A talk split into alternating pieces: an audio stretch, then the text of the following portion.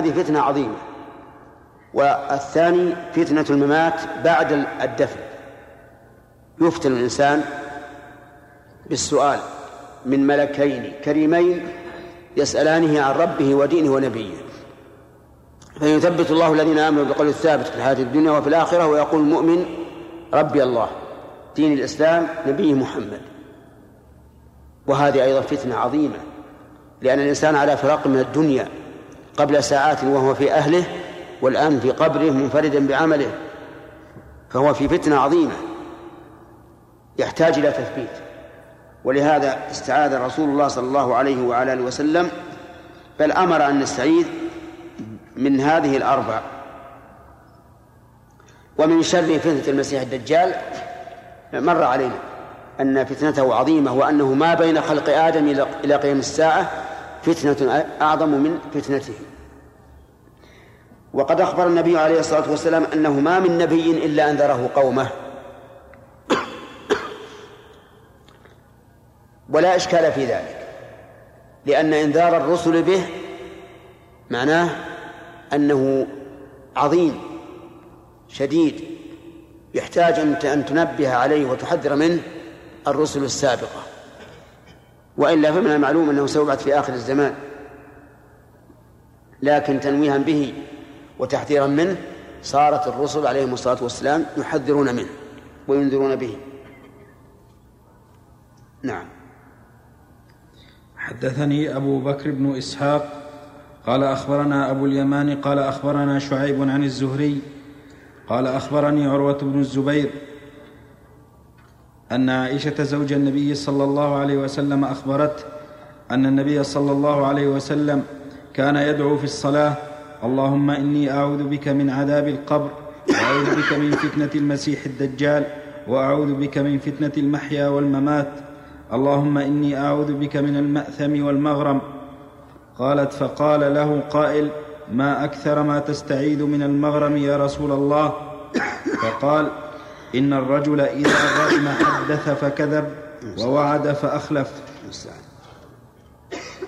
في هذا الحديث نقص عما سبق وزيادة عليه. أما النقص فإنه لم يذكر التعوذ من جهنم من عذاب جهنم.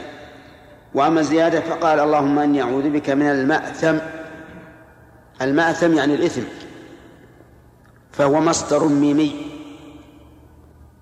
والإثم يكون إما بترك الواجب أو بفعل المحرم. والمغرم يعني الغرم أن يغرم الإنسان دينا أو جناية أو غير ذلك مما يلزمه للناس فكان الرسول عليه الصلاة والسلام يستعيذ بالله من ذلك. فقال له قائل ويحتمل أن تكون هي أو غيره ما أكثر ما تستعيذ من المغرم يا رسول الله؟ قال إن الرجل إذا غرم حدث فكذب ووعد فأخلف.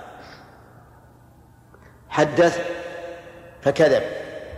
يعني يقول إن عندي مالا أو ما أشبه ذلك أو ينكر ما عنده ووعد فأخلف.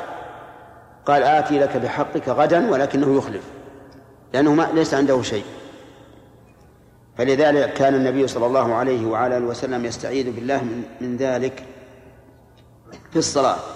ولم تبين أين أين يقول هذا الدعاء. بل قالت في الصلاة كان يدعو في الصلاة. لكن سيأتينا إن شاء الله بيان أن هذا الدعاء يكون في آخر الصلاة في التشهد الأخير. نعم. وحدثني زهير بن حرب قال حدثنا الوليد بن مسلم قال حدثني الأوزاعي قال حدثنا حسان بن عطية قال حدثني محمد بن أبي عائشة أنه سمع أبا هريرة يقول قال رسول الله صلى الله عليه وسلم إذا فرغ أحدكم من التشهد الآخر فليتعوذ بالله من أربع من عذاب جهنم ومن عذاب القبر ومن فتنة المحيا والممات ومن شر المسيح الدجال. وحدثنيه الحكم بن موسى قال حدثنا هق ابن زياد حاء. قال وحدثنا علي بن خشرم. قال أخبرنا عيسى يعني ابن يونس جميعا عن الأوزاعي بهذا الإسناد. وقال إذا فرغ أحدكم من التشهد ولم يذكر الآخر.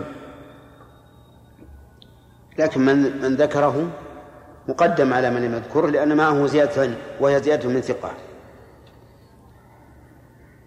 ولأن التشهد الآخر هو محل الدعاء. وقوله فليتعوذ بالله اللام للأمر. والأصل في الأمر الوجوب لا سيما أن هذه أمور دواهي عظيمة. إن لم يعذك الله منها هلكت. فمن أجل الأمر ومن أجل كونها أمور أمورا عظيمة إن لم تنج منها هلكت يتوجه القول بالوجوب. ولهذا كان القول بالوجوب أحد الوجهين في مذهب الإمام أحمد بن حنبل رحمه الله. وبه قال طائفة من العلماء مما يدل على تأكد الدعاء بهذا نعم بذلك. ووجوب هذا أقوى من وجوب الصلاة على النبي صلى الله عليه وسلم في التشهد التي ذهب بعض العلماء إلى أنها ركن من أركان الصلاة وبعضهم إلى أنها واجب من واجبات الصلاة وبعضها إلى أنها وبعضهم إلى أنها سنة.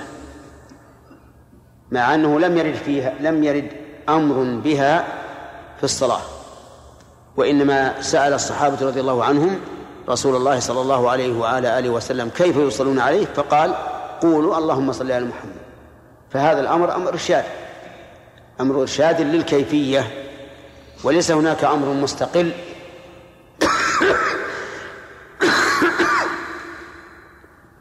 ليس هناك ليس هناك أمر مستقل بالصلاة على النبي صلى الله عليه وعلى آله وسلم في الصلاة. إنما سئل كيف نصلي عليك؟ نعم. سليم نعم تخرج مع الدجال من من طول الأيام ومن الفتنة الموجودة ما يقدر عليها بشر وهي نسبة إلى الدجال لا يقدر عليها إلا الله سبحانه وتعالى. مثل يكون يوم كسنة يوم نعم. كشهر ويوم قدر أسبوع والجنة والنار هذه ما يقدر عليها بشر شيء وهي نسبة للدجال. إيه. وش السؤال؟ يعني؟ السؤال يعني إن الدجال ان إن الخلق الخلق اللي خلق خلق خلق الله سبحانه وتعالى ما يقدر على تصريف الأمور لكن إذا سخر الله سبحانه وتعالى الشيء للإنسان حصل أليس سليمان عليه الصلاة والسلام يشير إلى الريح وتحمله إلى حيث أراد؟ نعم. بالنسبة بالنسبة للرجال هذا امتحان من أول؟ وهذا نحن قلنا هذا. فتنة الدجال يعني الفتنة التي يجعلها الله تعالى على الدجال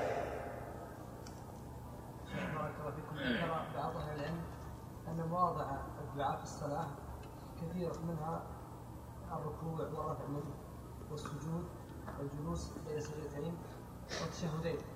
هل المراد دعاء مخصوص مقيد أما بارك الله فيك أما أما الركوع فلا فلا تدعو إلا بمواقع مثل سبحانك اللهم وبحمدك اللهم اغفر لي. لأن الرسول كان يكثر أن يقول ذلك في ركوعه. وإلا في الأصل أن الركوع تعظيم للرب. لقوله عليه الصلاة والسلام أما الركوع فعظم فيه الرب.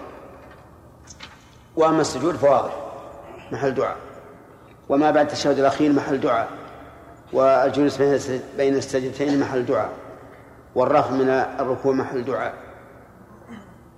والتشهد والاستفتاح دعاء في أول الصلاة. اللهم باعد بيني وبين خطاياي. نعم. وش معنى مطلق؟ يعني ممكن واحد يزيد فيه يزيد ما, ما شاء. يا لكننا نختار أن أن يأتي بالوارد أولا.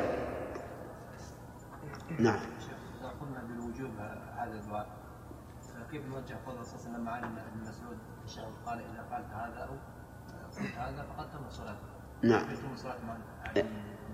أليست الواجبات تحدث شيئا فشيئا؟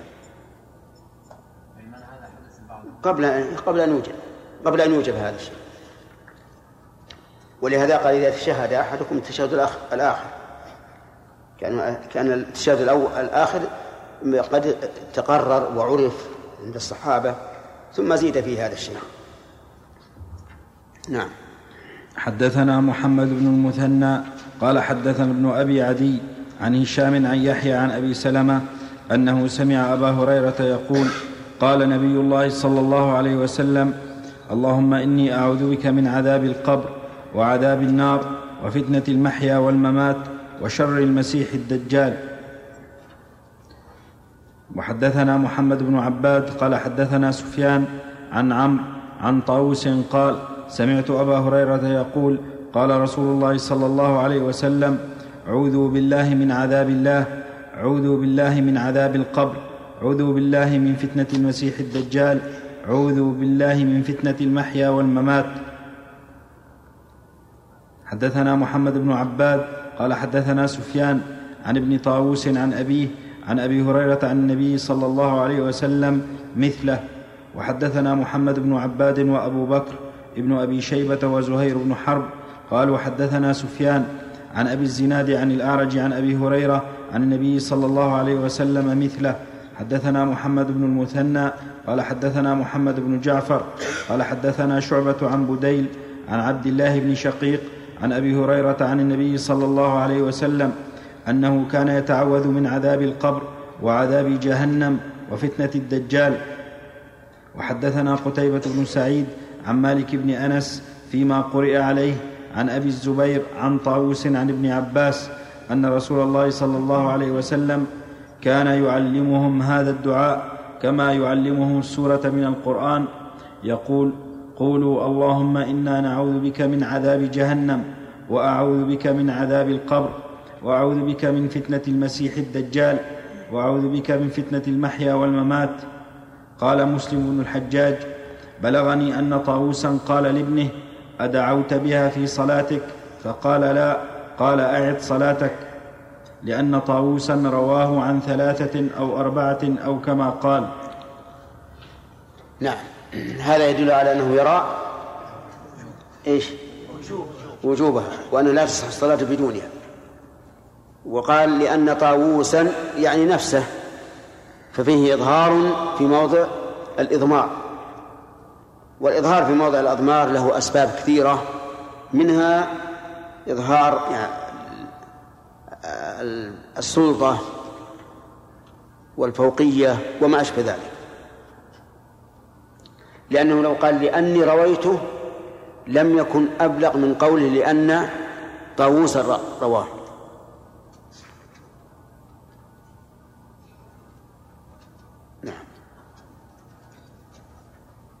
باب استحباب الذكر بعد الصلاة وبيان صفته. حدثنا داود بن رشيد قال حدثنا الوليد عن الأوزاعي عن أبي عمار اسمه شداد بن عبد الله عن أبي أسماء عن ثوبان قال كان رسول الله صلى الله عليه وسلم إذا انصرف من صلاته استغفر ثلاثا وقال اللهم أنت السلام ومنك السلام تباركت تباركت ذا الجلال والإكرام قال الوليد فقلت للأوزاعي كيف الاستغفار؟ قال تقول أستغفر الله أستغفر الله. نعم.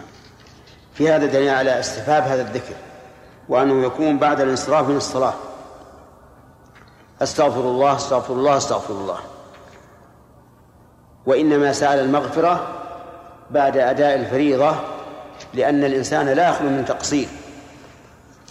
فكان من المناسب أن يستغفر الله عز وجل. وقولها اللهم أنت السلام أيضا في مناسبة لأن السلام من السلامة فهو جل وعلا سالم من كل نقص وعيب.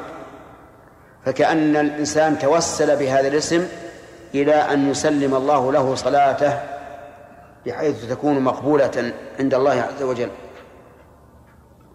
ولهذا قال ومنك السلام.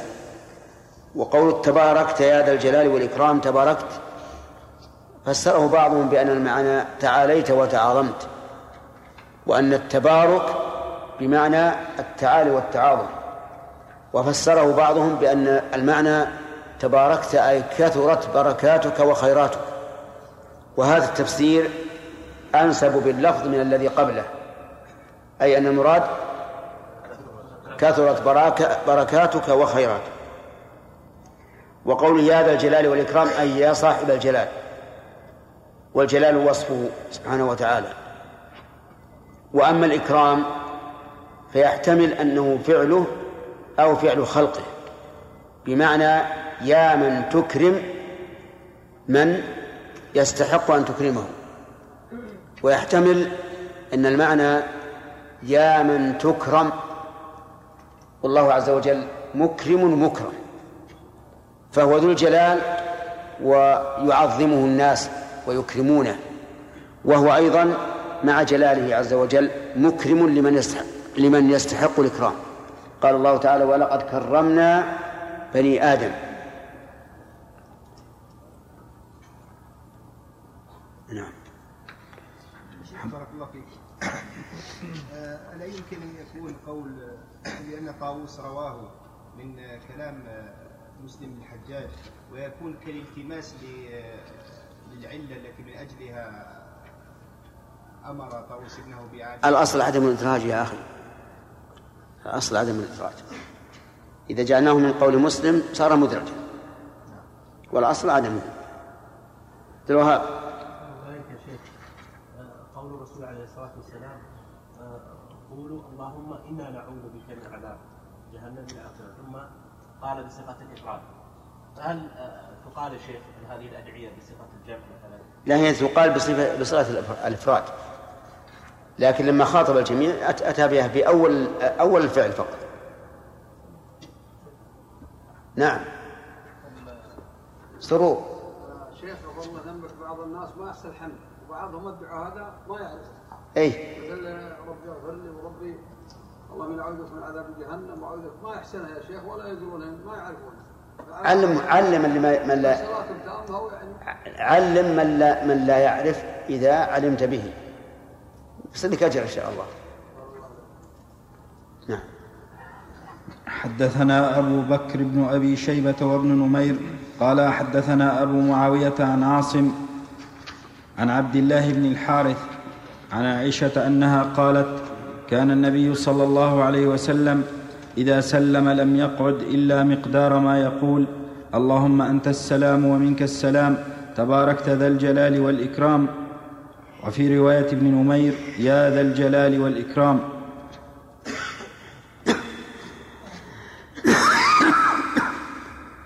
نعم. وحدثناه ابن نمير قال حدثنا أبو خالد يعني الأحمر عن عاصم بهذا الإسناد وقال يا ذا الجلال والإكرام وحدثنا عبد الوارث بن عبد الصمد قال حدثني أبي قال حدثنا شعبة عن عاصم عن عبد الله بن الحارث وخالد عن عبد الله بن الحارث وخالد عن عبد الله بن الحارث كلاهما عن عائشة أن النبي صلى الله عليه وسلم قال بمثله غير أنه كان يقول يا ذا الجلال والإكرام. نعم. حدثنا إسحاق بن إبراهيم. فصار هذا الحديث من حديث عائشة وحديث ثوبان. إلا أن في حديث ثوبان زيادة الاستغفار ثلاثا. نعم. حدثنا إسحاق بن إبراهيم. قال أخبرنا جرير عن منصور عن المسيب بن رافع عن وراد مولى المغيرة بن شعبة قال كتب المغيرة بن شعبة إلى معاوية أن رسول الله صلى الله عليه وسلم كان إذا فرغ من الصلاة وسلم قال لا إله إلا الله وحده لا شريك له له الملك وله الحمد وهو على كل شيء قدير. اللهم لا مانع لما أعطيت ولا معطي لما منعت ولا ينفع ذا الجد منك الجد. نعم هذا إذا فرغ من الصلاة وسلم ظاهره أنه يقول هذا الذكر بعد السلام مباشره لكن سبق من حديث ثوبان وعائشة إنه كان يقول إذا انصرف من صلاته أستغفر الله. وعلى هذا فالبداء بالاستغفار واللهم أنت السلام أولى لأنه ألصق بالصلاة من هذا من هذا الذكر. وقوله قال لا إله إلا الله وحده لا شريك له لا إله إلا الله. إله بمعنى مألوه والمألوه هو المعبود محبة وتعظيما. فعبادة الله مبنية على المحبة والتعظيم. بالمحبة تفعل الأوامر وبالتعظيم تترك النواهي. وهي أيضا يعني هذه الجملة العظيمة مكونة من نفي وإثبات. مكونة من نفي وإثبات. وهما ركنا الإخلاص والتوحيد. هما الضمير يعود على إيش؟ على النفي والإثبات. هما ركن الإخلاص والتوحيد. إذ لا يمكن ذلك عن التوحيد والإخلاص إلا بنفي وإثبات. لما؟ لأن النفي نفي عدم. والإثبات بدون نفي لا يمنع المشاركة. لا يمنع المشاركة. فإذا قلت مثلا ليس في البيت أحد قائم. هذا إيش؟ نفي محض نفي محض. إذا لا قيام وإذا قلت فلان قائم في البيت. هذا إثبات قيام زيد. لكن هل يمنع أن يكون غيره قائما في البيت؟ لا. وإذا قلت ليس في البيت قائم إلا زيد فهذا نفي وإثبات يمنع أن يشارك أحد زيدا في القيام في البيت. ولهذا لا يتم التوحيد إلا بنفي وإثبات أي بحصر سواء عاد بالنفي والإثبات أو بإنما أو, أو بتقديم المعمول وما أشبه ذلك. طيب وقول إلا الله نعم. الإعراب. لا نافع للجنس وإله اسمها مركب معها مبني على الفتح. وإلا أداة حصر ولا أداة استثناء؟ إذا قلت أداة حصر لزم أن تكون الله خبر لا. وهذا لا يستقيم. لا يستقيم لفظا ولا يستقيم معنى. أما عدم استقامته لفظا فلأن لا لا تعمل إلا في النكرات. ولفظ الجلالة أعرف المعارف. وأما معنى فلأنك إذا قلت لا إله إلا الله لا معبود إلا الله أوهم ذلك أن أن تكون جميع المعبودات هي الله. لا معبود إلا الله. ما في شيء يعبد إلا الله. فيلزم يلزم أو يوهم أن تكون المعبودات هي الله وهذا لا شك أنه معنى فاسد. ولهذا نقول إن الخبر أو نجيب المؤذن أحسن. لا إله إلا الله.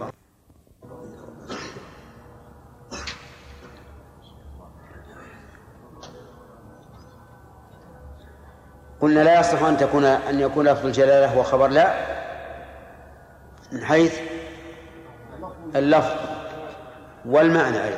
أما اللفظ فلأن لا لا تعمل إلا في النكرات. وأما من حيث المعنى فلأنه يوهم أن يكون جميع المعبودات هي الله وهذا معنى فاسد. إذن فخبر لا محذوف والتقدير لا إله حق إلا الله. لا إله حق إلا الله.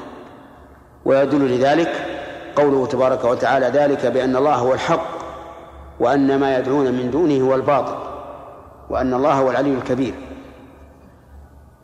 فلا بد من هذا التقدير. ومن قدره من النحاة بكلمة موجود فقوله خطأ. لا إله موجود إلا الله لأن هناك آلهة موجودة سوى الله عز وجل. قال الله تعالى فما أغنت عنهم آلهتهم التي يدعون من دون الله من شيء. وإن كانت هذه الآلهة حق ليست إله ليست آلهة حقا. إن هي إلا أسماء سميتموها أنتم وآباؤكم ما أنزل الله بها من سلطان. لكن تنزلا مع هؤلاء العابدين نقول هي آلهة. فإن قال قائل هل يجزئ أن يقول الإنسان لا إله إلا الله دون أن يقدر حق؟ قلنا نعم يجزئ. ومن قال لا يجزئ فقد خالف القرآن والسنة وعمل المسلمين. كل المسلمين يقول لا إله إلا الله ويكتفون لكن لو سألته فقلت هذه الأصنام لتعبد؟ قال هذه ما هي آلهة. هذه باطلة. فتقدير حق ليس بواجب. لكن عندما نشرح الكلمة للناس نقول هكذا. التقدير حق. وقول وحده لا شريك له هذا تأكيد للتوحيد. وقول له الملك وله الحمد جملة خبرية قدم فيها الخبر لإفادة الحصر. له وحده الملك. ملك الأعيان والأفعال. فالله تعالى هو الذي له الملك. يملك كل ما في السماوات والأرض. ويملك كل تصرف فيها كل فعل. وله الحمد. يقال فيها ما يقال في له الملك. في أنها تفيد الحصر. والحمد هو وصف المحمود بالكمال محبة وتعظيما. وذكرت بعد إثبات خصوصية الملك ليتبين أن جميع ما يفعله في ملكه فهو مستحق للحمد فهو مستحق للحمد عليه وأن ملكه مبني على الحمد. ولهذا قال الحمد لله الذي له ما في السماوات وما في الأرض. الحمد لله الذي خلق السماوات والأرض وجعل الظلمات والنور وما أشبه ذلك. مما يدل على أن ملك الله وخلق الله وأفعال الله كلها مبنية على على الحمد فهو الذي يحمد على كل حال. وهو على كل شيء قدير. هذه أيضا جملة خبرية. فيها الثناء على الله عز وجل بعموم القدرة وهو على كل شيء قدير. وهذه الجملة تطلق كما جاءت. ولا يصح أن يقال وهو على ما يشاء قدير. لأنك إذا قلت على ما يشاء أوهم أن مفهومها أن ما لا يشاؤه لا يقدر عليه. وهو قادر على ما يشاء وما لا يشاء لكن ما شاء كان وما لم يشاء لم يكن. ثم يوهم أيضا أن أنه لا قدرة له على أعمال العباد على رأي المعتزلة الذين يقولون إنها لا تقع بمشيئته فيكون فإذا لم تكن بمشيئته صار غير قادر عليه. ولهذا ينهى أن يقول القائل إنه على ما يشاء قدير. وأما قوله تبارك وتعالى وهو على جمعهم إذا يشاء قدير فهذه متعلقة بالجمع. يعني إذا شاء جمعهم لا يعجز عنه. وكذلك في قصة الرجل الذي يدخل الجنة آخر من يدخل فيقول الله تعالى إني على ما أشاء قادر. لأن هذا مخصوص بفعل معين. يعني فأنا قادر على أن أدخلك الجنة ولو كنت مسرفا على نفسك. فلا تتوهم. في عبارة للجلالين يقول خص العقل ذاته فليس عليها بقادر. يعني على رأيه نقول هو على كل شيء قدير إلا على ذاته. وهذا لا شك أنه غلط. لأنه تقييد لما أطلقه الله. ولأنه يحمل معنى فاسدا. لأننا نقول ماذا تريد بكلمة خص العقل ذاته هل تريد أنه لا يقدر أن يفعل؟ لا يقدر أن يستوي أو ينزل إلى السماء الدنيا أو ما أشبه ذلك؟ أو تريد أنه لا يقدر مثلا أن أن يهلك نفسه سبحانه وتعالى. إن أردت الأول فباطل بل هو قادر على أن ينزل ويستوي على العرش ويفعل ما يشاء. وإن أردت الثاني فهذا شيء مستحيل. لا تتعلق به القدرة. ولهذا قال السفاري رحمه الله في عقيدته واقتدر بقدرة تعلقت بممكن لأن غير الممكن عدم. ولا يمكن. على اسمه. فالواجب أن نطلق ما أطلقه الله. نقول هو على كل شيء قدير. انتهى الوقت.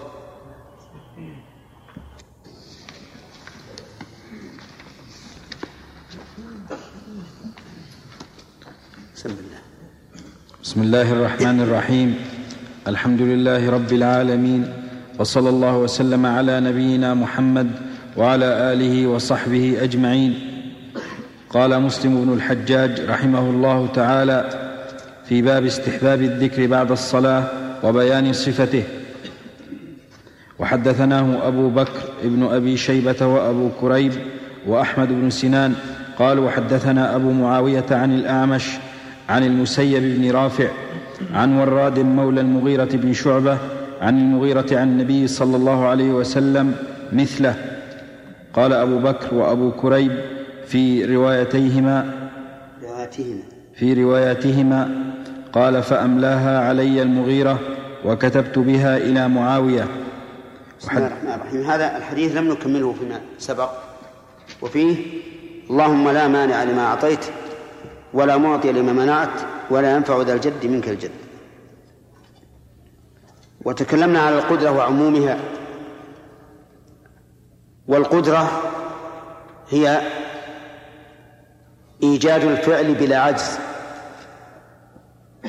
والقوة إيجاد الفعل بلا ضعف. فالقدرة ضدها العجز والقوة ضدها الضعف. القدرة لا يوصف بها إلا من له إدراك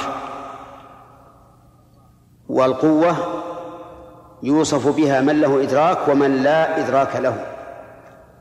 ولهذا نقول هذا البناء قوي ولا نقول قدير أو قادر. لكن من له إدراك نقول قوي ونقول قدير. وقول لا مانع لما أعطيت ولا معطي لما منعت. لا مانع لما أعطيت أي لما قدرت من العطاء فلا أحد يمنعه. وليس المراد لما أعطيت بالفعل لأنه لو كان المراد الثاني لقال لا رافع لما أعطيت لأن ما أعطى قد تم ولا يقال لا مانع له. اللهم إلا أن يحمل على أن المعنى لا مانع لما أعطيت أي لا مانع لاستمراره وقوله ولا معطي لما منعت أي لا معطي لما قدرت منعه فما قدر الله منعه لا أحد يأتي به أبدا. ولا ينفع ذا الجد منك الجد. كذا لفظ العبارة. أي ولا ينفع ذا الجد منك الجد. ولا الجد. لا السؤال واحد. خاص. الجد على أنه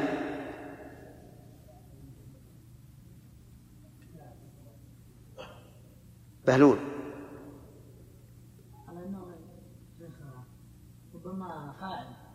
ربما فاعل. وربما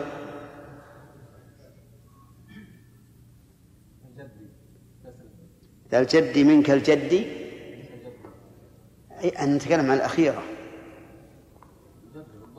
إيه، طيب على أنها.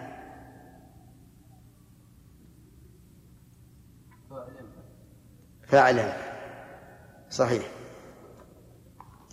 يا والجد هو الحظ والغنى. يعني أن صاحب الحظ وصاحب الغنى الغنى لا ينفعه حظه ولا غناه من الله شيء. نعم. وفيه أيضا من الفوائد الحديثية جواز إملاء الحديث بقوله فأملاها علي المغيرة. وفيه أيضا أن السلف لا يحقر الإنسان منهم نفسه في بيان الحق. ولهذا كتب المغيرة إلى معاوية وكلاهما صحابيان لكن معاوية أمير للمؤمنين والمغيرة ليس كذلك ومع هذا كتب له بهذا الذكر. نعم. عبيد عبيد. ولا ينفع الجد منك ذا الجد. يعني لا ينفع صاحب الجد جده من الله. نعم. وحدثني محمد بن حاتم قال حدثنا محمد بن بكر قال أخبرنا ابن جريج قال أخبرني عبدة ابن أبي لبابة أن ورادا مولى المغيرة بن شعبة قال كتب المغيرة بن شعبة, بن شعبة إلى معاوية كتب ذلك الكتاب له وراد أني سمعت رسول الله صلى الله عليه وسلم يقول حين سلم بمثل حديثهما إلا قوله وهو على كل شيء قدير فإنه لم يذكر. لم يذكر؟ نعم. وحدثنا حامد بن عمر البكراوي قال حدثنا بشر يعني ابن المفضل حاء قال وحدثنا محمد بن المثنى قال حدثني أزهر جميعا عن ابن عون عن أبي سعيد عن وراد كاتب المغيرة بن شعبة قال كتب معاوية إلى المغيرة بمثل حديث منصور والأعمش وحدثنا ابن أبي عمر المكي قال حدثنا سفيان قال حدثنا عبدة بن أبي لبابة وعبد الملك بن عمير أنهما سمعا ورادا كاتب المغيرة بن شعبة يقول كتب معاوية إلى المغيرة اكتب إلي بشيء سمعته من رسول الله صلى الله عليه وسلم. قال فكتب إليه سمعت رسول الله صلى الله عليه وسلم يقول إذا قضى الصلاة لا إله يقول إذا قضى الصلاة لا إله إلا الله وحده لا شريك له له الملك وله الحمد وهو على كل شيء قدير. اللهم لا مانع لما أعطيت ولا معطي لما منعت ولا ينفع ذا الجد منك الجد.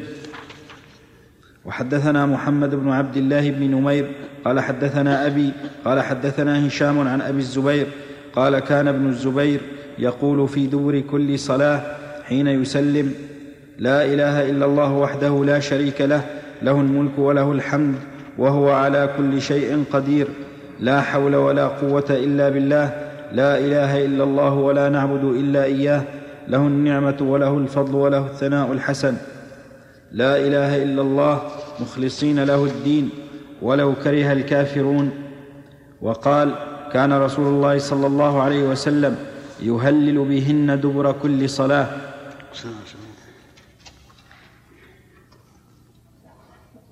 قوله لا حول ولا قوة إلا بالله الحول بمعنى التحول والقوة معروفة والمعنى لا تحول من حال إلى حال ولا قوة على ذلك إلا بالله عز وجل فهو الذي ييسر للإنسان ما ييسره حتى يتحول من حال إلى أخرى وكذلك القوة وعلى هذا فتكون الباء هنا للاستعانة. ولذلك كانت هذه الكلمة كلمة استعانة وليست كلمة استرجاع كما يقوله كثير من الناس. إذا أصيب بمصيبة قال لا حول ولا قوة إلا بالله. إلا إذا أراد بقوله لا حول ولا قوة إلا بالله عند المصيبة أن يستعين الله تعالى على مصيبته فهذا له وجه. لكن الأفضل عند المصائب أن يقول الإنسان ما ورد الذين إذا أصابتهم مصيبة قالوا إنا لله وإنا إليه راجعون. اللهم أجرني في مصيبتي وأخلف لي خيرا منها. لأن هذه هي السنة. وقوله نعم.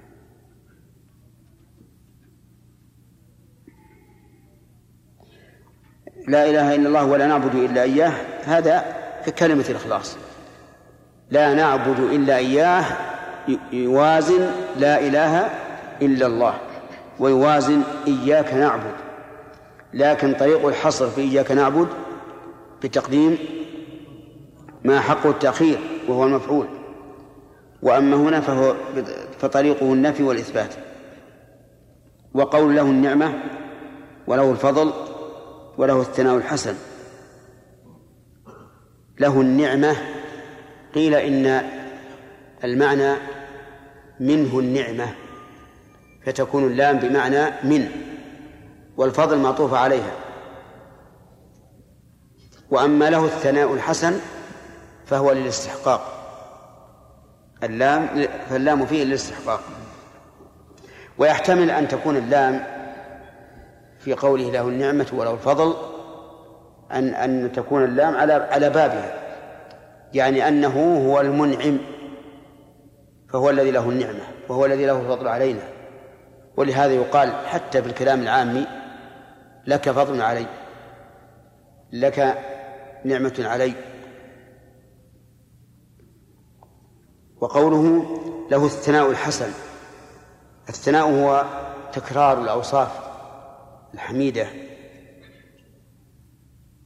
فهو الذي يستحق ذلك. وقوله مخلصين له الدين أي مخلصينه من شوائب الشرك ومن شوائب البدع لأن المشرك لم يخلص والمبتدع لم يخلص. المشرك لم يخلص في نيته والمبتدع لم يخلص في عمله واتباعه. وقولها الدين يعني العمل. ولو كره الكافرون يعني أننا أعزاء بديننا لا يهمنا أن يرضى الكافرون عنا أو أن يكرهوا. نحن نخلص الله الدين سواء كره الكافرون أم رضوا. نعم. آدم. أن الإنسان إذا صلى يقول لا إله إلا الله ثلاث مرات. المقصود هذه الذكر ولا مستقلة؟ كيف؟ لا الظاهر مستقلة. لا إله إلا الله. يكررها ثلاثا في غير المغرب والعشاء في غير المغرب والفجر. أما المغرب والفجر فثلاث فعشر. نعم. ظاهره كذلك. ولكن قد يقال إن ذكرهم إياه يدل على أنه فرض. لأن النبي صلى الله عليه وسلم في النوافل الغالب أن يصليها في بيته. نعم آدم.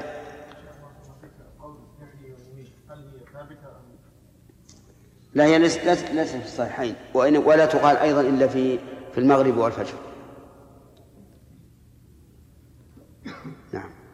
وحدثناه أبو بكر بن أبي شيبة قال حدثنا عبدة بن سليمان عن هشام بن عروة عن أبي الزبير مولى لهم أن عبد الله بن الزبير كان يهلل دبر كل صلاة بمثل حديث ابن نمير وقال في آخره ثم يقول ابن الزبير كان رسول الله صلى الله عليه وسلم يهلل بهن دبر كل صلاة. وحدثني يعقوب بن إبراهيم الدورقي قال حدثنا ابن علية قال حدثنا الحجاج بن أبي عثمان قال حدثني أبو الزبير قال سمعت عبد الله بن الزبير يخطب على هذا المنبر وهو يقول كان رسول الله صلى الله عليه وسلم يقول إذا سلم في دبور الصلاة أو الصلوات فذكر بمثل حديث هشام بن عروة. وحدثني محمد بن سلمة المرادي قال حدثنا عبد الله بن وهب عن يحيى بن عبد الله بن ابن سالم عن موسى بن عقبة أن أبا الزبير المكي حدثه أنه سمع عبد الله بن الزبير وهو يقول في إثر الصلاة إذا سلم بمثل حديثهما وقال في آخره وكان يذكر ذلك عن رسول الله صلى الله عليه وسلم. حدثنا عاصم بن النضر التيمي قال حدثنا المعتمر قال حدثنا عبيد الله حاء قال وحدثنا قتيبة بن سعيد قال حدثنا ليث عن ابن عجلان كلاهما عن سمي عن أبي صالح عن أبي هريرة وهذا حديث قتيبة أن فقراء المهاجرين أتوا رسول الله صلى الله عليه وسلم فقالوا ذهب أهل الدثور بالدرجات العلى والنعيم المقيم. فقال وما ذاك؟ قالوا يصلون كما نصلي ويصومون كما نصوم ويتصدقون ولا نتصدق ويعتقون ولا نعتق. فقال رسول الله صلى الله عليه وسلم أفلا أعلمكم شيئا تدركون به من سبقكم وتسبقون به من بعدكم؟ ولا يكون أحد أفضل منكم إلا من صنع مثل ما صنعتم. قالوا بلى يا رسول الله. قال تسبحون وتكبرون وتحمدون دبر كل صلاة ثلاثا وثلاثين مرة. قال أبو صالح فرجع فقراء المهاجرين إلى رسول الله صلى الله عليه وسلم فقالوا سمع إخواننا أهل الأموال بما فعلنا ففعلوا مثله. فقال رسول الله صلى الله عليه وسلم ذلك فضل الله يؤتيه من يشاء. وزاد غير قتيبة في هذا الحديث عن الليث عن ابن عجلان قال سمي فحدثت بعض بعض أهل هذا الحديث فقال وهمت. إيه؟ قال. عندي بالضبط ممتع فتح. عندي بالضبط لا فتح. فقال وهمت إنما قال تسبح الله ثلاثا وثلاثين وتحمد الله ثلاثا وثلاثين وتكبر الله ثلاثا وثلاثين. فرجعت إلى أبي صالح فقلت له ذلك فأخذ بيدي فقال الله أكبر وسبحان الله والحمد لله. الله أكبر وسبحان الله والحمد لله حتى تبلغ من جميعهن ثلاثة وثلاثين. قال ابن, عج... قال ابن عجلان فحدثت بهذا الحديث رجاء بن حيوة فحدثني بمثله عن أبي صالح عن أبي هريرة عن رسول الله صلى الله عليه وسلم. في هذا الحديث فوائد منها حرص الصحابة رضي الله عنهم على التسابق في الخير.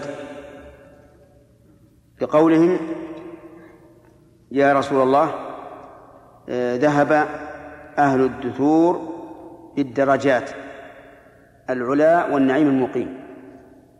يعني وخلفونا. ومنها أن النبي صلى الله عليه وعلى آله وسلم لا يعلم الغيب. لقوله وما ذاك إذ لو كان يعلم الغيب لم يحتج إلى هذا الاستفهام. قد يقول قائل لعله استفهم ليتبين ما عندهم لا للاستخبار. كما أن الله عز وجل يسأل الملائكة الذين يعرجون في صلاة العصر وصلاة الفجر يقول كيف تركتم عبادي؟ أو أتيتموهم مع أنه أعلم. فيقال إنما قلنا فيما يتعلق بجانب الرب عز وجل بأنه عالم لعلمنا بهذا. أما الرسول صلى الله عليه وعلى آله وسلم فالأصل أنه لا يعلم الغيب. ومن فوائد هذا الحديث أن الإنسان ينبغي له إذا ذكر منقبه أن يذكر السبب السبب. فهم ذكروا منقبة للأغنياء بأنهم يصلون كما يصلون. ويصومون كما يصومون ويتصدقون ولا نتصدق وينفقون ويعتقون ولا نعتق. ففضلوهم في عملين هما الصدقة والعتق. فقال النبي صلى الله عليه وعلى آله وسلم إلى آخره فيها أيضا من الفوائد دلالة الإنسان على الخير والأفضل وتشجيعه على ذلك لأنه قال تدركون به من سبقكم وتسبقون به من بعدكم ولا يكون أحد أفضل منكم إلا من صنع مثل ما صنعتم.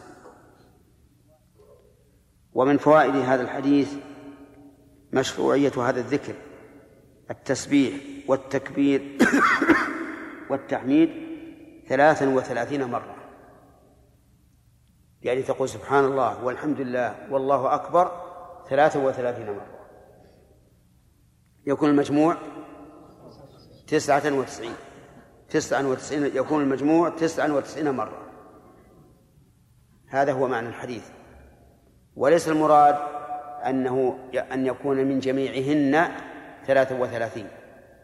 لأنه لو كان المراد أن يكون من جميعهن ثلاثة وثلاثين لكانت كل واحدة منهما منهن إحدى عشرة. ولهذا فيه وهم. قال أبو صالح فرجع فقراء المهاجرين إلى رسول الله صلى الله عليه وعلى آله وسلم فقالوا سمع إخواننا إلى آخره. فيه دليل على أن من حباه الله تعالى بمنقبة لم تحصل لغيره فإنها من فضل الله. والله تعالى يؤتي فضله من يشاء. لا أحد يحجر عليه. فإن قال قائل ظاهر ظاهر الحديث أن النبي صلى الله عليه وعلى آله وسلم لم يجعل لهؤلاء الفقراء أجرا بتمنيهم ما يصنعه الأغنياء من الصدقة والعتق. قلنا نعم هذا ظاهره لأنه لم يقل إذا لم تستطيعوا أن تعتقوا وتصدقوا فلكم الأجر. فإذا كان هذا ظاهر الحديث فكيف نجمع بينه وبين الحديث, الحديث الآخر الصحيح؟ في من أعطاه الله مالا فجعل يتصدق منه وينفق في سبيل الله. فقال رجل فقير لو أن عندي مال فلان فعلت مثل مثل عمل فلان. قال النبي صلى الله عليه وعلى آله وسلم فهو بنيته فهما في الأجر سواء.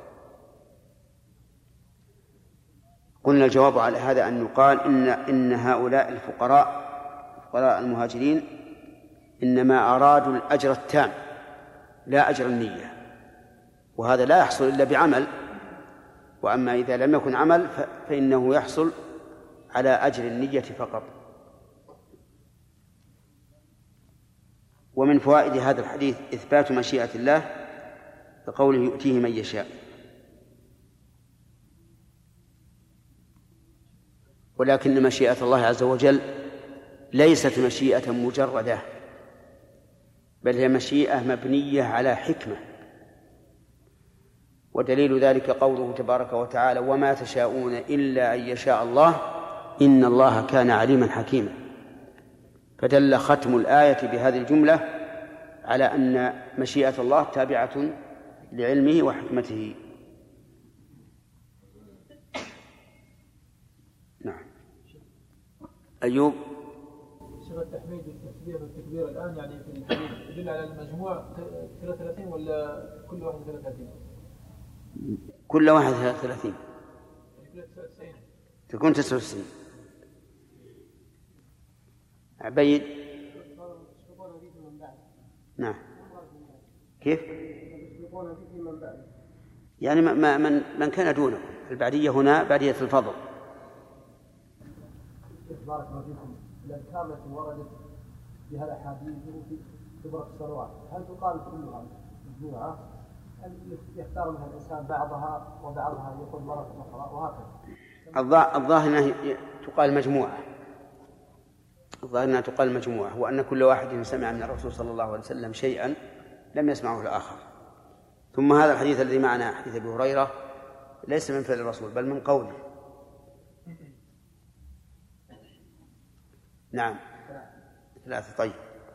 وحدثني أمية بن بسطام العيشي قال حدثنا يزيد بن زريع قال حدثنا روح عن سهيل عن أبيه عن أبي هريرة عن رسول الله صلى الله عليه وسلم أنهم قالوا يا رسول الله ذهب أهل الدثور بالدرجات العلى والنعيم المقيم بمثل حديث قتيبة عن الليث إلا أنه أدرج في حديث أبي هريرة قول أبي صالح ثم رجع فقراء المهاجرين إلى آخر الحديث وزاد في الحديث يقول سهيل إحدى عشرة إحدى عشرة فجميع ذلك كله ثلاثة وثلاثون. فجميع ذلك؟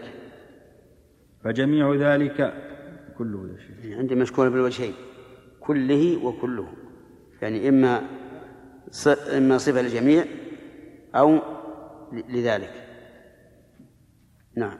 وحدثنا الحسن بن عيسى قال أخبرنا ابن المبارك قال أخبرنا مالك بن مغول قال سمعت الحكم بن عتيبة يحدث عن عبد الرحمن بن أبي ليلى عن كعب بن عجرة عن رسول الله صلى الله عليه وسلم أنه قال معقبات لا يخيب قائلهن أو فاعلهن دبر كل صلاة مكتوبة ثلاث وثلاثون تسبيحة وثلاث وثلاثون تحميدة وأربع وثلاثون تكبيرة. قوله معقبات يعني أنها تأتي عقب الصلوات بدليل قوله دبر كل صلاة مكتوبة وقول لا يخيب قائلهن أو فاعلهن هذا شك من الراوي هل قال فاعل أو قال قائل وهذه الكلمات هل هي من الأفعال أو من الأقوال فيكون الأرجح لا يخيب قائلهن. واعلم أن الفعل قد يطلق على القول وأن القول قد يطلق على الفعل. فمن الأول هذا الحديث فاعلهن. وذلك لأن القول فعل بالنسبة للسان والفم والشفتين فهو فعل بهذا الاعتبار وقد يطلق القول على الفعل. ومنه قول الرسول صلى الله عليه وعلى آله وسلم لعمار بن ياسر إنما كان يكفيك يعني في التيمم أن تقول بيديك هكذا وهو لا يقول بيديه. القول إنما يكون بإيش؟ باللسان. فمعنى أن تقول بيديك هكذا يعني أن تفعل. واللغة واسعة. فإذا قال قائل ما الذي يدلنا على أن المراد بالفعل القول أو المراد بالقول الفعل؟ قلنا السياق. السياق هو الذي يعين. ولهذا يجب أن نعلم أن الكلمة بذاتها ليس لها معنى دائم بل يختلف معناها بحسب بحسب سياقها.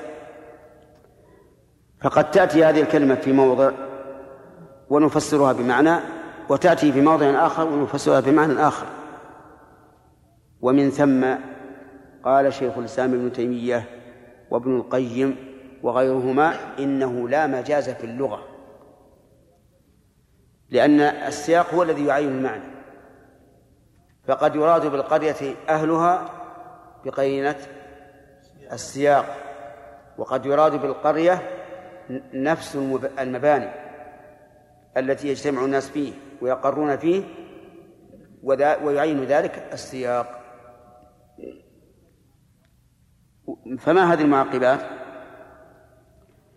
يقول ثلاث وثلاثون تسبيحة وثلاث وثلاثون تحميدة وأربع وثلاثون تكبيرة.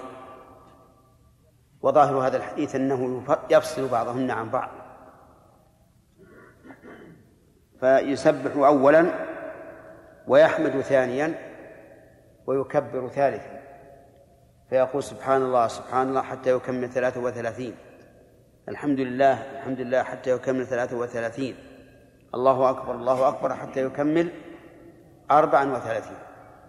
أضف هذا إلى ما سبق من حديث أبي هريرة. يكون للتسبيح والتحميد والتكبير يكون صفتين يكون له صفتان. هذه والتي سبقت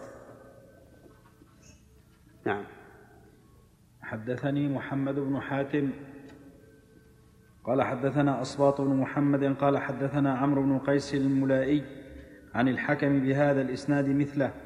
حدثني عبد الحميد بن بيان الواسطي قال أخبرنا خالد بن عبد الله عن سهيل عن أبي عبيد المذحجي.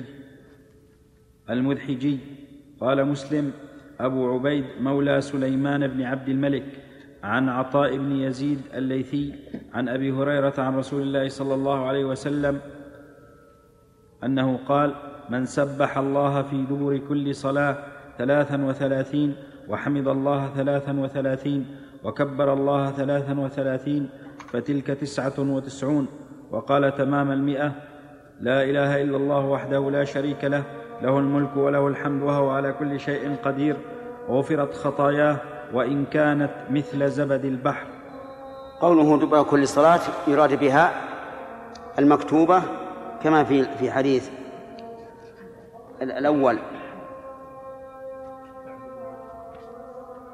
دبر كل صلاة مكتوبة. وقول في هذا الحديث فتلك تسعة وتسعون. فيه إشكال. لأن اسم الإشارة للمؤنث. وتسعة وتسعون للمذكر فيحتاج إلى جواب نذكر إن شاء الله بعد الأذان.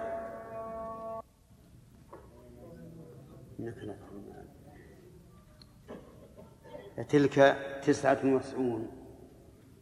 كيف صار اسم الإشارة لمؤنث والمشار إليه؟ مذكر بدليل العدد. فيقال إن الجمع يجوز تأنيثه. إن الجمع يجوز تأنيثه. وفي ذلك يقول الزمخشري في بيتين ذكرهما في مضادة أعدائه. يقول لا أبالي بجمعهم كل جمع مؤنث. لا أبالي بجمعهم كل جمع مؤنث. هذا وجه. الوجه الثاني أن يكون قوله فتلك إشارة إلى الكلمات السابقة. أي في تلك الكلمات. وتسع وتسعون خبر لكنها جاءت بالمذكر باعتبار كل باعتبار أنه ذكر. والذكر يكون مذكرا لكن الوجه الأول أقرب نكمل الرواية الثانية عشان وحدثنا محمد بن الصباح قال حدثنا إسماعيل بن زكريا عن سهيل عن أبي عبيد عن عطاء عن أبي هريرة قال قال رسول الله صلى الله عليه وسلم بمثله. وظاهر هذا الحديث أن الخطايا تغفر ولو كانت من الكبائر لقوله وإن كانت مثل زبد البحر. لكن الجمهور على أن هذا مقيد بما إذا اجتنبت الكبائر. وعللوا ذلك بقولهم إذا كانت الفرائض العظيمة كالصلوات الخمس والجمعة إلى الجمعة ورمضان إلى رمضان لا تكفر إلا إذا اجتنبت إلا إذا اجتنبت الكبائر فما دونها من باب أولى لأن ما دونها نفل. وما تقرب العبد إلى ربه بشيء أحب إليه مما افترض عليه.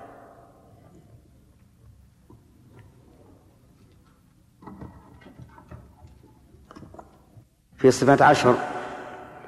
سبحان الله عشر مرات والحمد لله عشر مرات والله أكبر عشر مرات. في صفة رابعة سبحان الله والحمد لله ولا إله إلا الله والله أكبر خمسة وعشرين مرة.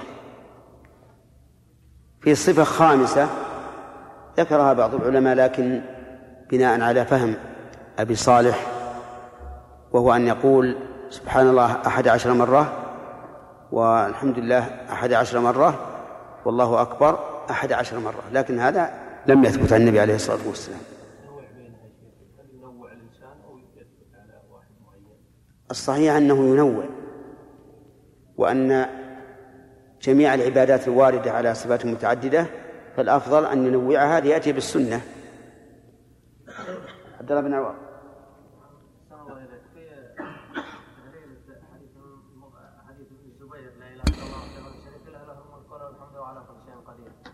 سؤالي في الموطن الذي نقول فيه لا إله إلا الله ثلاث مرات هل تحسب هذه منها ولا تكون الثلاث من غيرها؟ ظاهر الحديث هذا أنها أنها أنها من غيرها لكن يقال إن إن إنها منها لأن الثلاث زيادة. فيدخل الأقل في الأكثر. خالد؟ نعم.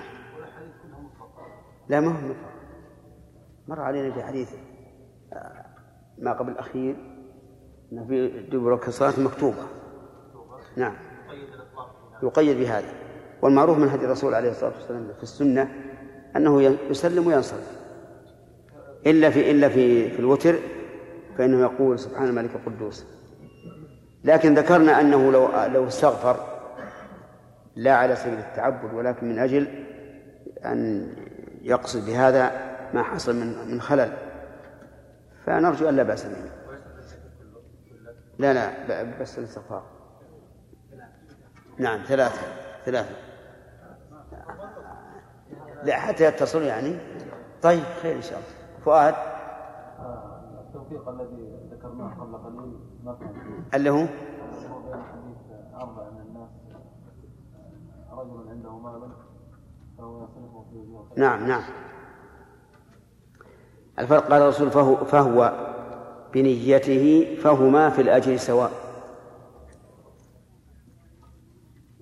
وهنا ما قال أنتم في الأجر سواء بنيتكم.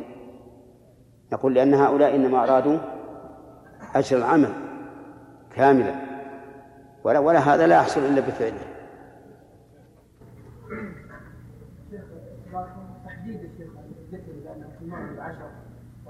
ها؟ نعم. فيه أحاديث بهذا. في أحاديث بهذا. لأن المغرب تفتتح به صلاة الليل والفجر تفتح تفتتح به صلاة النهار. ولهذا روي عن النبي صلى الله عليه وعلى آله وسلم أنه كان يقول بعدهما رب أجرني من النار سبع مرات. نعم. في بعض الألفاظ بعض الأحاديث تكون نعم. هذه إذا كان مئة مرة. نعم غير الصلوات. بعض الناس يقول يجزي يعني يجزي لا مهم صحيح لا مهم صحيح هذه غير هذه. نعم. الحديث مرت تبين هل الإنسان إيش؟ الرسول كان يعقد التسبيح بيمينه. كان يعقد التسبيح بيمينه. كيف؟ آه، كما شاء بس أن تكون بال- بال- باليمين. اللهم اغفر لنا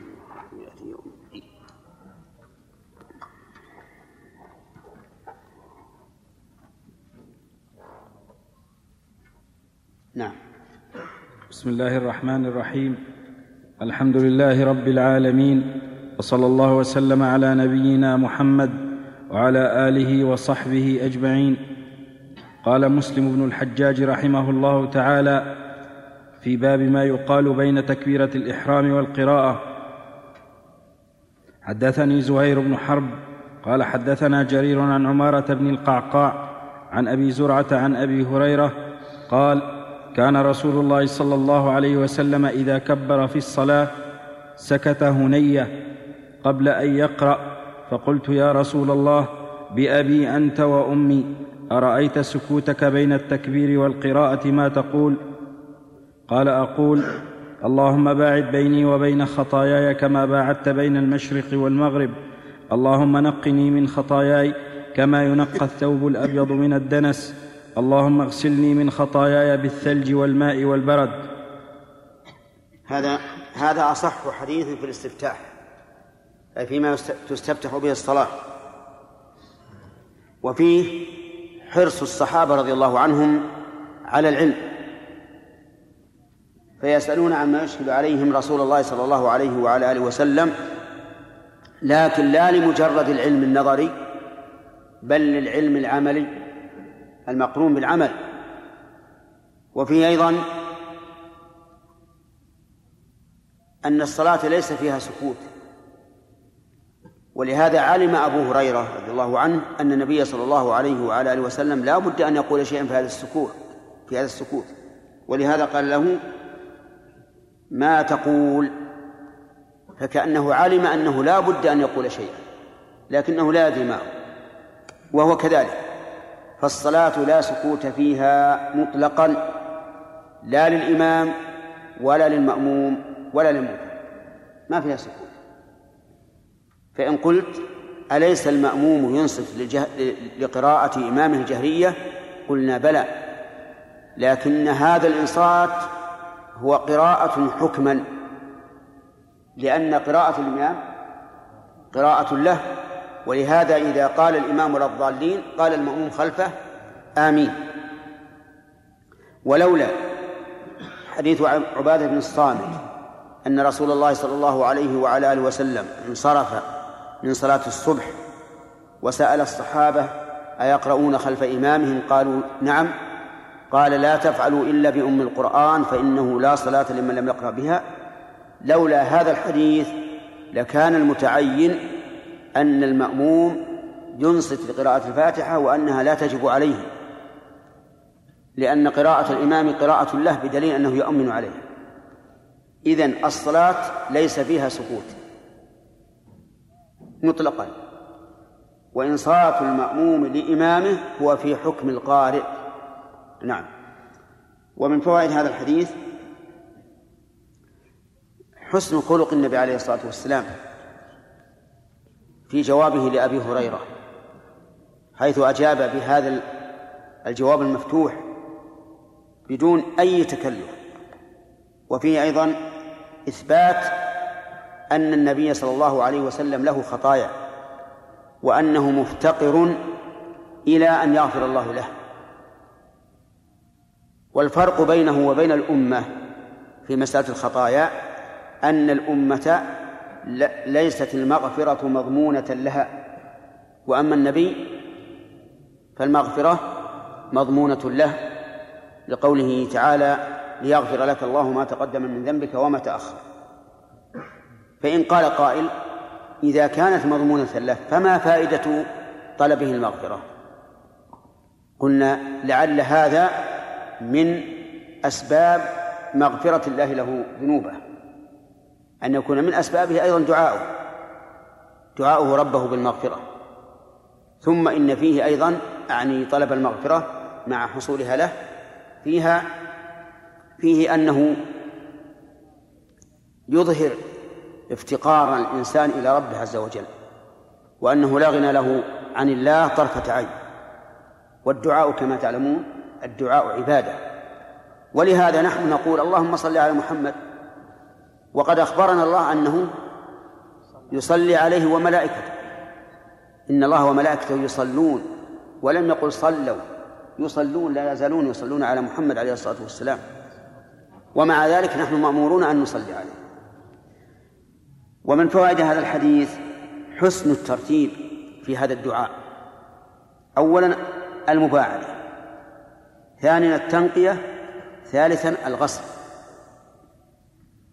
المباعدة فيها عدم الملامسة والتنقية فيها إزالة الوسخ والتطهير والغسل فيها إزالة أثره أثر واضح؟ لأن الذنوب إما ذنوب لم تغش من بعد. فهذه مباعدة أو غشيت ثم محيت لكن بقيت بقي آثارها في القلب. هذه تنقية. غسلت أزيل أثرها بالكلية. لا يبقى فيها أثر.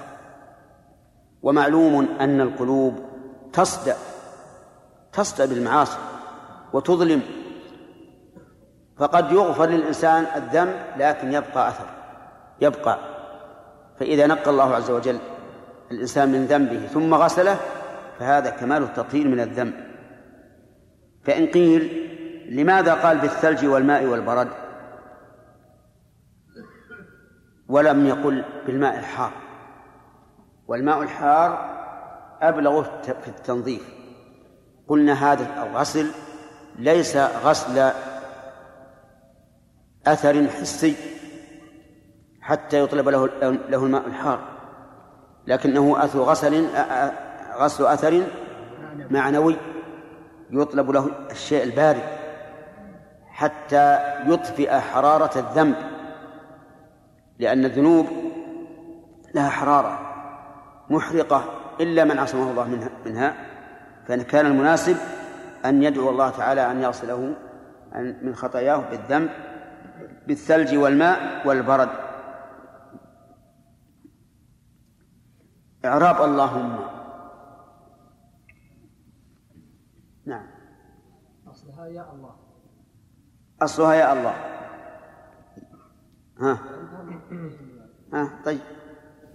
يا الله ثم حولت الياء ميما ياء ميما إيش؟ أخر طيب. أصلها يا الله. نعم. ثم أخر حرف نداء تيمنا بالبداء بسم الله. ثم حول إلى ميم. للدلالة أن الداعي عوضت عنها الميم. نعم. الداعي على الجمع يدل على أن الداعي جمع قلبه يا الله. أي نعم. أحسنت إذن الله منادى مبني على الضم في محل نصب. وحرف النداء محذوف عوض عنه الميم في قوله اللهم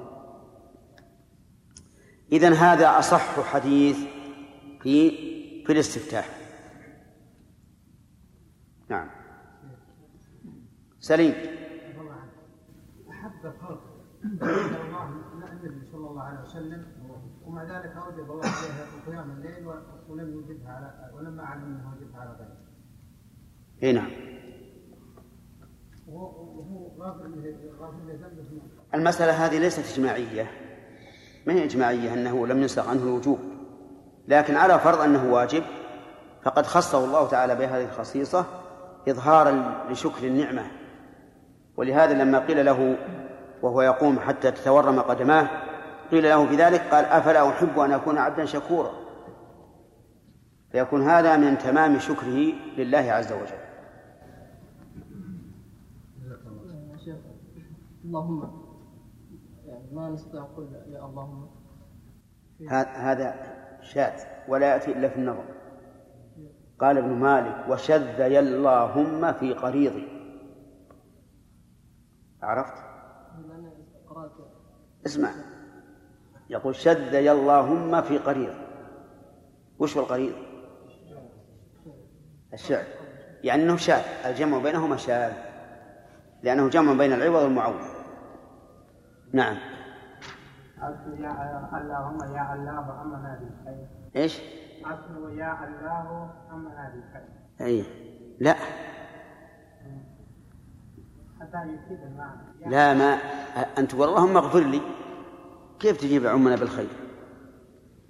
لكن الميم علامة الجمع كأن الإنسان جمع قلبه على ربه. أي نعم.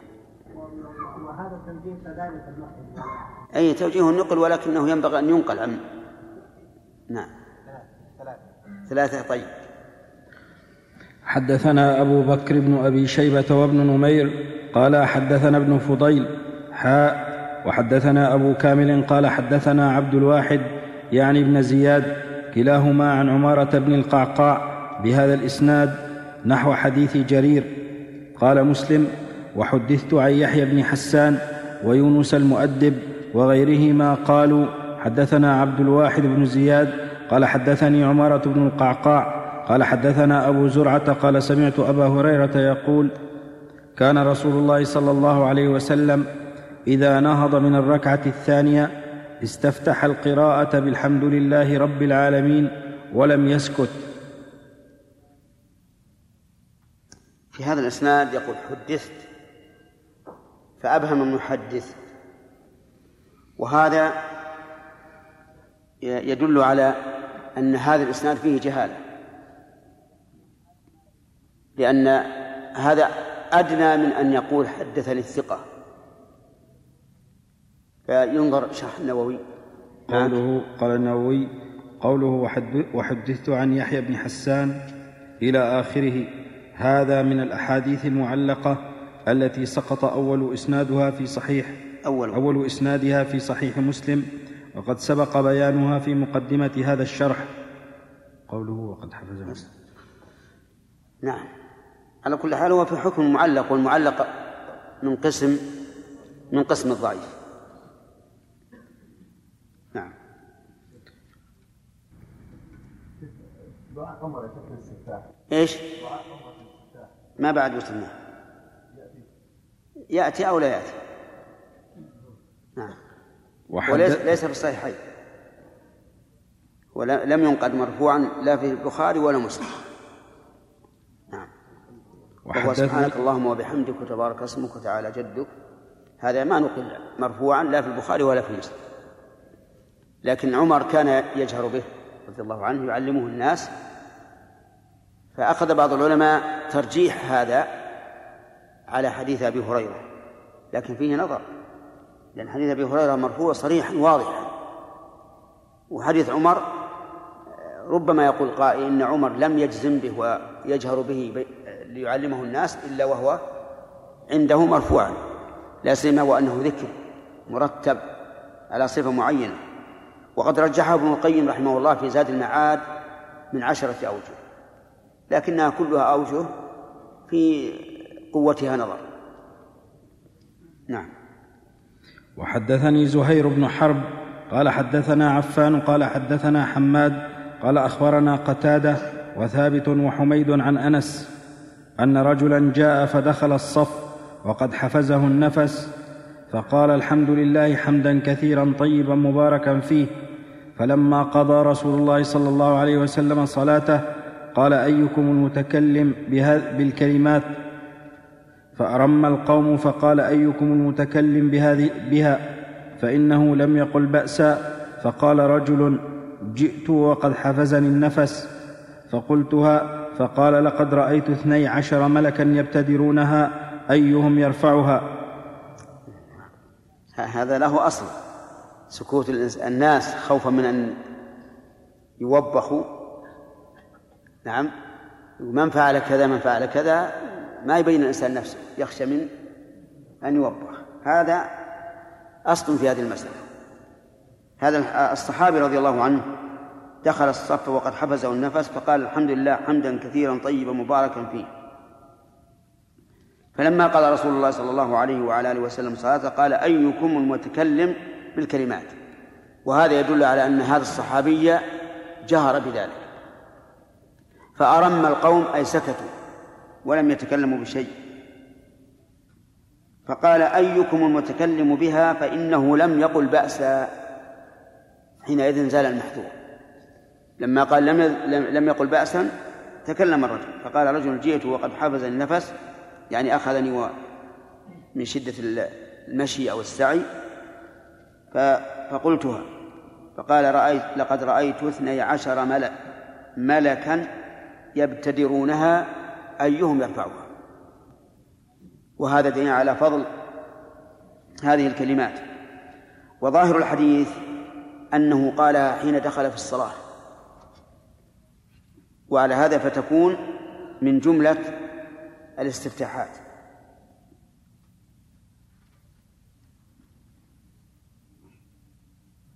نعم. حدثنا زهير بن حرب قال حدثنا إسماعيل بن علية قال أخبرني الحجاج بن أبي عثمان عن أبي الزبير عن عون بن عبد الله بن عتبة عن ابن عمر قال بينما نحن نصلي مع رسول الله صلى الله عليه وسلم إذ قال رجل من القوم الله أكبر كبيرا والحمد لله كثيرا وسبحان الله بكرة وأصيلا. فقال رسول الله صلى الله عليه وسلم من القائل كلمة كذا؟ من القائل كلمة كذا وكذا؟ قال رجل من القوم أنا يا رسول الله. قال عجبت لها فتحت لها أبواب السماء. قال ابن عمر فما تركتهن منذ سمعت رسول الله صلى الله عليه وسلم يقول ذلك. هذا يحتمل أنها هي القصة الأولى أو غيرها واحتمال أنها غيرها أقرب لما في الاختلاف بينها من نعم لما بينهما من الاختلاف البين. لا من حيث الذكر ولا من حيث أن القصة الأولى فيها أنه ابتدرها اثنا عشر ملكا أيهم يرفعها. وهذه ذكر أنها فتحت لها أبواب السماء ولا ذكر أن أحد من الملائكة ابتدرها. فالظاهر أنها قصة أخرى. ثم هنا يقول إذ قال رجل ويحتمل أنه قالها حين دخل في الصلاة أو قالها بعد الرفع من الركوع. فيحتاج لعله يأتي في بعض السياقات ما يدل على ذلك. نعم. بارك الله فيك. يقول يا شيخ لا يستمع المأموم وهو يصلي. إيش؟ عندما يصلي. يتكلم أو اي شيء هو سيسمع. سيسمع. لا بد أن يسمع. الآن مثلا أنت أنت واقف تصلي. تكلم أحد تسمع. لا بد أن تسمع. لا لا تنصت. لا تنصت. لكن السماع لا بد يدخل الصوت يدخل الأذن غصبا عليه نعم. الله هل هذه الدعاء الأدعية خاصة بالنفل أو أم بالفرض أو ظاهر الفريضة. إي نعم لأن غالب صلاة الرسول عليه الصلاة والسلام بأصحابه الفريضة. ما كان يصلي بهم جماعة إلا في في رمضان.